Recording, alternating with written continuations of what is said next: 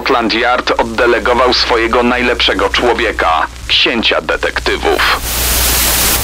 Zamaskowany kat precyzyjnym cięciem topora pozbawił króla głowy. Sceny zbrodni w RMFFM.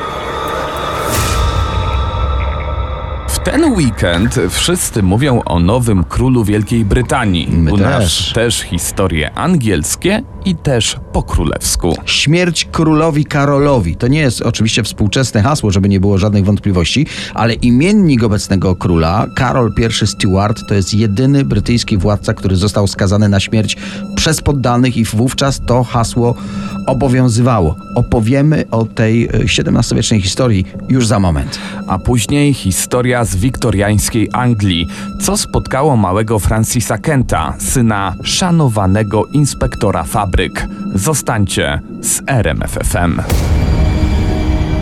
Sceny zbrodni w RMFFM. Dzisiaj w scenach zbrodni opowiadamy o krwawych historiach brytyjskiego królestwa. No to od razu początek roku 1649. Dwory całej Europy, a za nimi także dwory szlacheckie, mieszczańskie, wszystkie stany powtarzają niewiarygodną wówczas informację. Król Karol został ścięty. To nie wydarzyło się nigdy wcześniej w znanej historii katolickiej Europy. To nie mieściło się w głowie zwykłego obywatela. Król, a więc ktoś namaszczony przez samego Boga do sprawowania władzy, został osądzony przez brytyjski parlament, a następnie ścięty w trakcie publicznej egzekucji. Ale jak to u nas po kolei? Mały Charles przyszedł na świat 19 listopada 1600 roku. Był drugim synem króla Szkocji Jakuba IV Stuarta i jego żony Anny, nomen omen córki króla Danii. Drugi syn, a więc praktycznie bez szans na zostanie następcą tronu. W dodatku był niezwykle chorobliwym chłopcem, a wydawało się, że również chorym psychicznie. Do trzeciego roku życia nie nauczył się mówić, nie umiał także chodzić. I wówczas umiera królowa Anglii Elżbieta I. Tym samym tato małego Charlesa zostawia go w Szkocji i zmierza do Anglii, by zasiąść na tamtejszym tronie. Królewicz Karol jest zbyt słaby, by podróżować. Zostaje więc pod opieką holenderskiej guwernantki, która ma za zadanie nauczyć chłopca chodzić i mówić. Na jej życzenie skonstruowano dla niego specjalne buty z metalu i skóry. Terapia przynosi skutek i w końcu z mizernego dziecka wyrasta sprawny mężczyzna, choć niewielkiego wzrostu 162 cm. To najniższy król w angielskiej historii. Jest księciem Albany i księciem Yorku. To są tytuły, które tradycyjnie przysługują drugiemu synowi w kolejności do tronu. Jednak w 1612 roku jego starszy brat, 18-letni Henryk Fryderyk, kochany przez poddanych, kształcony od zawsze do roli przyszłego króla, zapada na dur brzuszny. W tym czasie to była jedna z chorób brudnych rąk, skażone bakteriami jedzenie lub woda. Dziś wystarczy myć ręce i żywność gorącą wodą, a po wykryciu choroby wystarczy antybiotyk, ale w tamtym czasie to oznaczało wyrok. Śmierć przyszłego następcy była narodową tragedią. Zapanowała powszechna żałoba. Dla dwunastoletniego księcia Karola za to zmieniło się wszystko. Wkrótce otrzymuje tytuły księcia Walii i hrabiego Chester. Tym samym jest oficjalnym następcą tronu. Musimy również wspomnieć o przyjaźni, jaką nastoletni Karol zawarł z faworytem jego ojca, z ulubieńcem króla George'em Willersem, bardziej znanym na kartach historii jako książę Buckingham. Zresztą nie tylko na kartach historii. Znamy tę postać także z kart powieści Aleksandra Dumas, Trzej Muszkieterowie. Przyjaźń między księciem Karolem a starszym od niego o 8 lat księciem Buckingham była tak mocna, że na dworze huczało od plotek i że mężczyzn łączy coś więcej, że to płomienny romans. Na to dowodów nie ma. Wiadomo, że książę Buckingham był żonaty, a i Karol tuż po koronacji ożenił się z siostrą króla Francji Ludwika XIII, z Henriettą Marią Bourbon. Doczekali się czterech synów i pięciu córek. No właśnie, 2 lutego 1625 roku Karol I Stuart zostaje koronowany. Król wiadomo, dobrze, żeby miał swoją królową, ale kandydatka, francuska księżniczka, była katoliczką, co nie spodobało się parlamentowi brytyjskiemu, a ten musiał wydać formalną zgodę na małżeństwo króla. Parlament obawiał się, że pod wpływem tej bogobojnej kobiety król może zechcieć wprowadzić ponownie do Anglii religię katolicką, a tym samym uzależnić ten kraj od papiestwa. Izba Gmin więc odmówiła żądaniu króla. Ostatecznie król parlament przekonał, ale to był początek wielu konfliktów, które w końcu doprowadziły do wybuchu wojny domowej. Królewski faworyt e, George Villiers, pierwszy książę Buckingham, wpłynął na swojego przyjaciela na tronie, by ten wypowiedział wojnę Hiszpanii i dał mu panowanie nad armią. Po Hiszpanii doszło do konfliktu z Francją i tu i tu bez sukcesów, więc no, parlament żądał dymisji. W petycji na piśmie domagano się wręcz skazania księcia Buckingham. Król wziął jego stronę i rozwiązał parlament, który śmiał oskarżać jego faworyta. Mało tego, Karol rozkazał aresztować członków parlamentu, którzy najgłośniej krytykowali jego przyjaciela. Rozwiązanie parlamentu wywołało w całym kraju protesty i oskarżenia, że król sięgnął po władzę absolutną. By te oskarżenia przerwać, król zwołał nowy parlament, więc może wszystko by się jakoś rozeszło po kościach, gdyby nie to, że w pierwszych latach swoich rządów król podnosił bardzo podatki. Bardzo twardo kazał je także egzekwować, choć te podatki nazywane były przez króla dobrowolną pożyczką szlachty. Nikt nie lubi płacić podatków, a już szczególnie dużych, więc sympatia części środowisk stała po stronie nowego parlamentu, który znów zaczął mocno krytykować decyzje królewskie. Dodatkowo królewski faworyt, książę Buckingham, został zasztyletowany.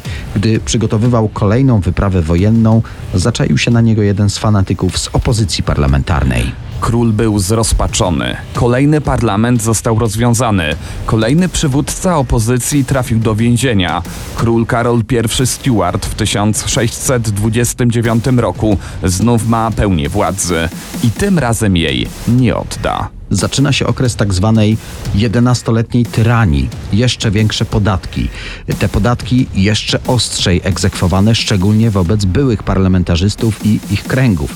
Jakiekolwiek protesty czy opóźnienia w płaceniu kończyły się w więzieniu, pod pręgierzem i no, z niebotycznymi karami finansowymi. Król znalazł nowego faworyta, Thomas Wentworth, Lord Strafford.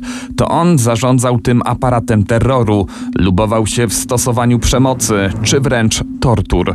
Opozycja wydawała pisma i protesty. Król odpowiadał jeszcze większymi represjami. i kolejnymi podatkami, które nie drenowały już jedynie skarbców szlachty, ale i skromne skarbczyki mieszczan i niższych warstw. Do tego Karol I Stuart wziął się za reformę kościoła i to przepełniło czarę goryczy. Doszło do wybuchu powstania w Szkocji. By je stłumić, potrzebował pieniądze na prowadzenie wojny. Król więc po ponad dekadzie rządów w 1640 roku zwołał parlament, który miał zatwierdzić budżet na wojnę. Ale nowy parlament powiedział nie nowym podatkom, więc i ten parlament król Karol błyskawicznie rozwiązał po zaledwie miesiącu. Szkockie powstanie się rozpędzało, no więc król musiał zwołać kolejny parlament, potrzebował pieniędzy, potrzebował armii i ten parlament zyskał na tyle dużą władzę, że doprowadził do ścięcia znienawidzonego hrabiego Strafford. Władza króla malała. Ucieka więc z Londynu, na północ kraju, gdzie wciąż ma duże poparcie. Przenosi stolicę Anglii do Oksfordu. Król ma za sobą Irlandię. Wkrótce zawiera pokój z powstańcami szkockimi. A w końcu w 1642 roku w pałacu Nottingham wypowiada wojnę parlamentowi i wszystkim jego stronnikom. W Anglii zaczyna się wojna domowa. Tysiące ofiar, niezwykle krwawe, zwłaszcza te pierwsze trzy lata. Parlament wygrywa najważniejsze bitwy, a król ucieka z Anglii. Schronienie znajduje w Szkocji, ale nie na długo. Podatki, tyrania, reformy religijne, rządy terroru i wiele pomniejszych grzechów króla Karola I Stuarta doprowadziło do wybuchu wojny domowej w Anglii. Król ucieka do Szkocji i tu planuje odbicie królestwa z rąk stronnictw parlamentu. Ale angielski parlament robi ruch wyprzedzający. Żąda, by Szkoci wydali króla, a przy okazji obiecuje wypłacić wojsku szkockiemu zaległy żołd. W grę wchodzą ogromne pieniądze.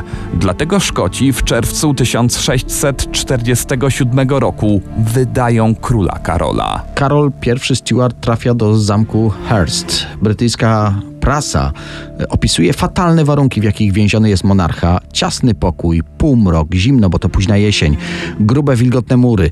Do tego zarządca więzienia, cytuję, zachowywał się wobec Karola I bardzo grubiańsko. Król wędruje z więzienia do więzienia. W końcu zostaje osadzony na wyspie White.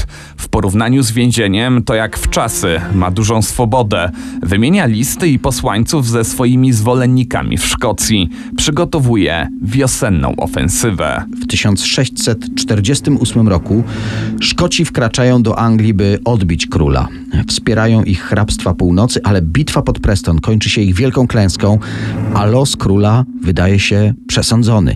Parlamentarzyści już wiedzą, że jeśli król zostanie przy życiu, no prędzej czy później oni zostaną tego życia pozbawieni.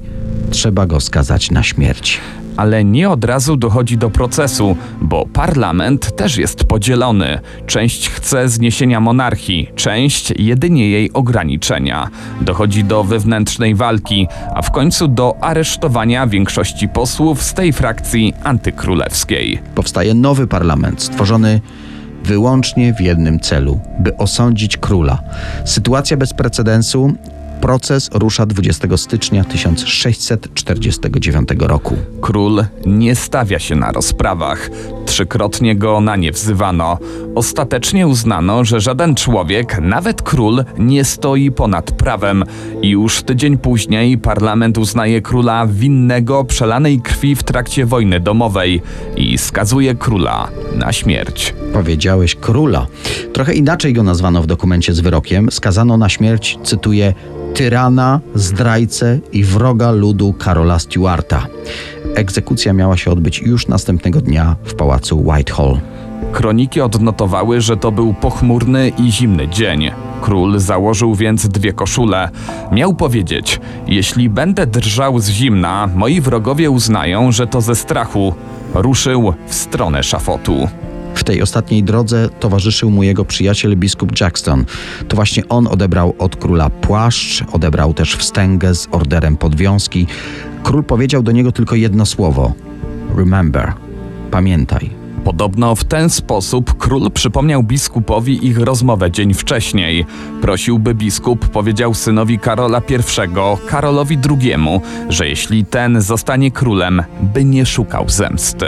Chwilę później zamaskowany kat precyzyjnym cięciem topora pozbawił króla głowy. Ciało Karola I po prywatnej ceremonii pogrzebowej trafiło do St. George Chapel w Windsorze. Syn króla Karola obiecał zbudować mauzoleum na cześć ojca. Nigdy nie powstało. Po śmierci króla Anglia stała się republiką na zaledwie rok, bo społeczeństwo bardzo szybko wybaczyło królowi jego winy, wręcz uważano go za męczennika. Wkrótce na tronie zasiadł wspomniany syn, Karol II Stuart. Ta opinia to m.in. zasługa royalistycznej prasy, która wskazywała na nielegalność wyroku skazującego władcę na śmierć. Nikt przecież nie ma władzy nad królem, nawet parlament. To król jest przecież Bożym pomazańcem. Próbowano ustalić, kto wykonał wyrok parlamentu, kim był Kat. Chciano go skazać za podniesienie ręki na króla, czy raczej topora w tym wypadku, ale tego nigdy nie udało się ustalić. Dodajmy, że data męczeńskiej śmierci Karola I, 30 stycznia 1649, trafiła do kalendarza liturgicznego Kościoła Anglikańskiego. Sceny zbrodni w RMFFM.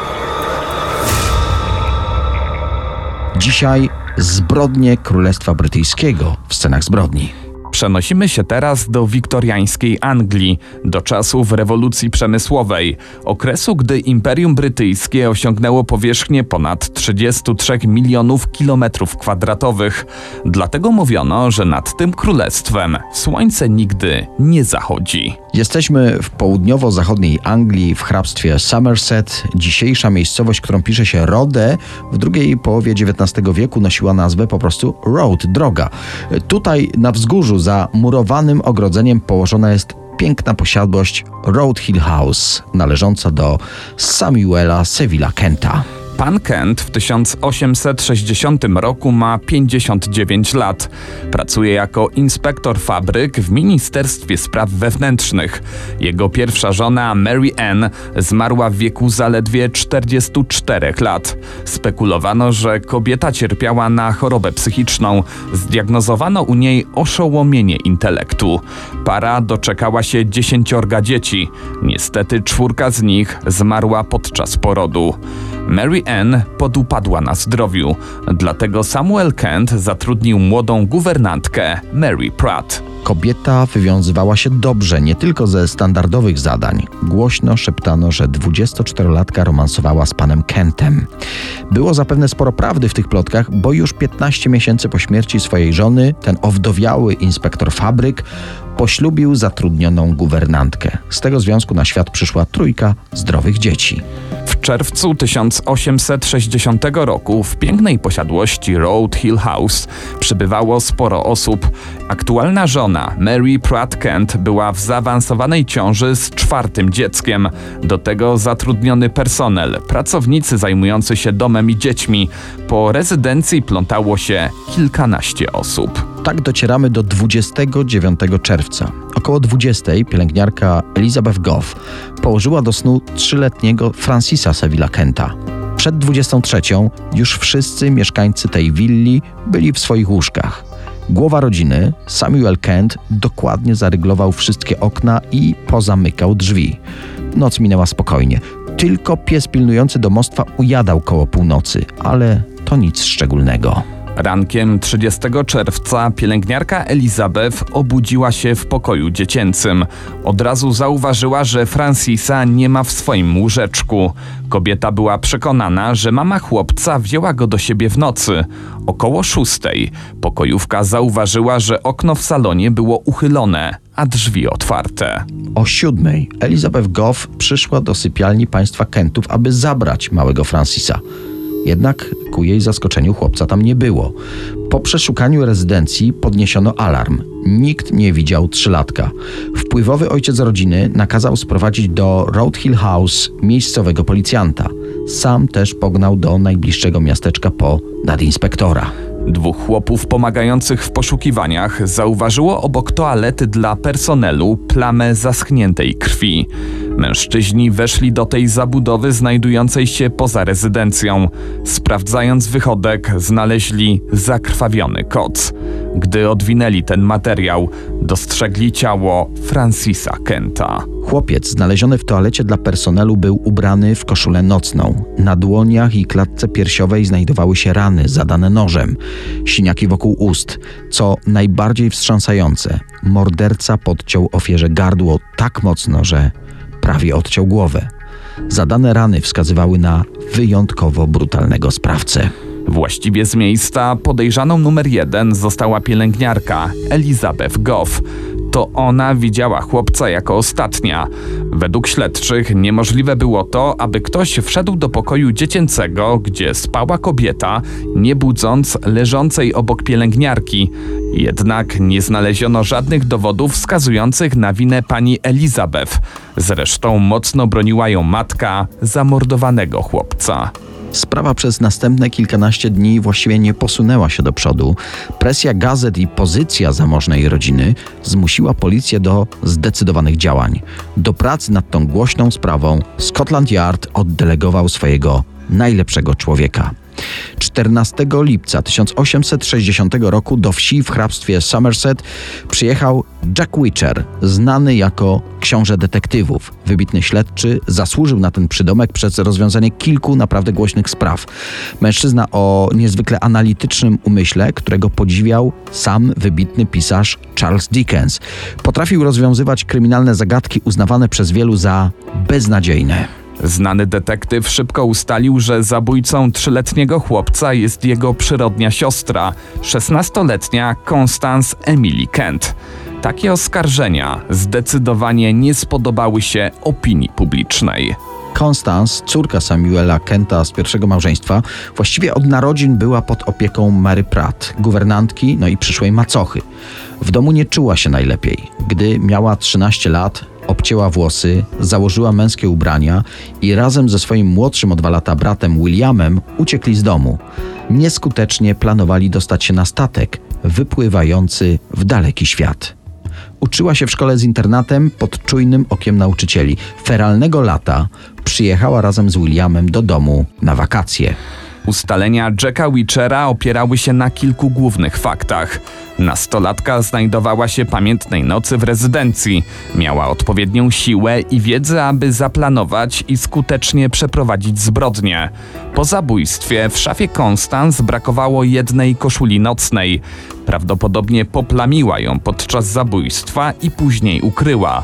Dodatkowo, gdy trzy lata wcześniej przebrana za chłopaka próbowała uciec z domu, ścięte włosy ukryła w tej samej toalecie, gdzie znaleziono ciało Te spostrzeżenia księcia detektywów okazały się niewystarczające dla sądu. Witcher nie wykazał żadnych twardych dowodów na winę dziewczyny, a prasa twardo stanęła w jej obronie. Hipotezę śledczego opisywano jako skandaliczną, niedorzeczną, dlatego Constance Kent decyzją ławy przysięgłych została zwolniona z aresztu.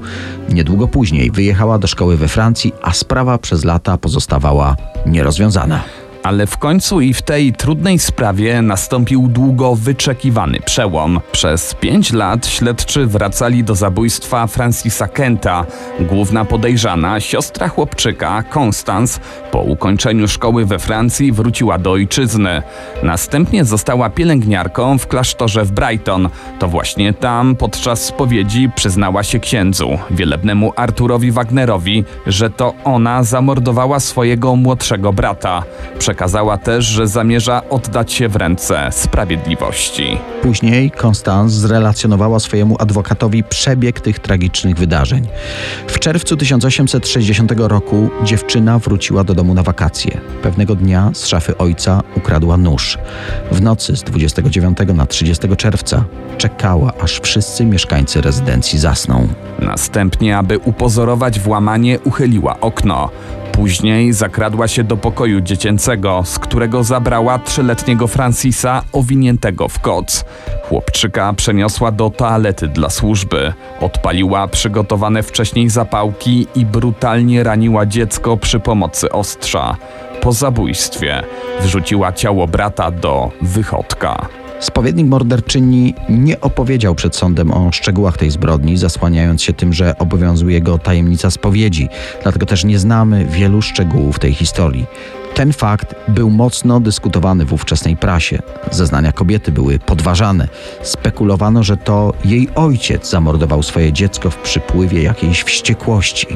Już współczesne publikacje sugerują, że w zabójstwo małego Francisa zamieszany był młodszy brat Constance, wspomniany już William, z którym to próbowała jako dziecko uciec z kraju. Według tej hipotezy chłopak miał być współodpowiedzialny za zbrodnię, a jego siostra go zwyczajnie kryła. Constance Kent podczas procesu przyznała się do winy. Ława przysięgłych skazała kobietę na karę śmierci. Ze względu na okazaną skruchę decyzją królowej Wiktorii karę zamieniono na dożywocie. Jednak z więzienia została zwolniona już w wieku 41 lat. Następnie wyjechała do Australii, dołączyła do ukochanego brata Williama, który w Tasmanii był doradcą rządu do spraw rybołówstwa. W nowej ojczyźnie Constance Kent zmieniła tożsamość na rów Emily Kay i stała się szanowaną pielęgniarką i uznaną nauczycielką dla nowych adeptek tego zawodu.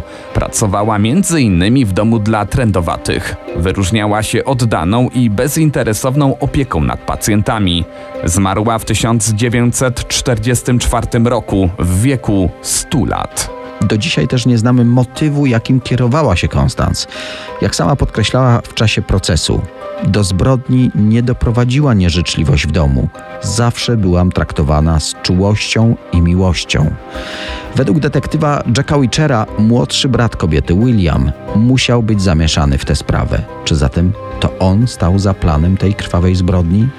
Wiele wskazuje, że zabójstwo w Road Hill House było zemstą za to, że ojciec rodziny odstawił na boczny tor dzieci z pierwszego małżeństwa. Dlatego zamordowano Francisa, który był jego nowym, ukochanym synkiem. Sceny zbrodni w RMF FM.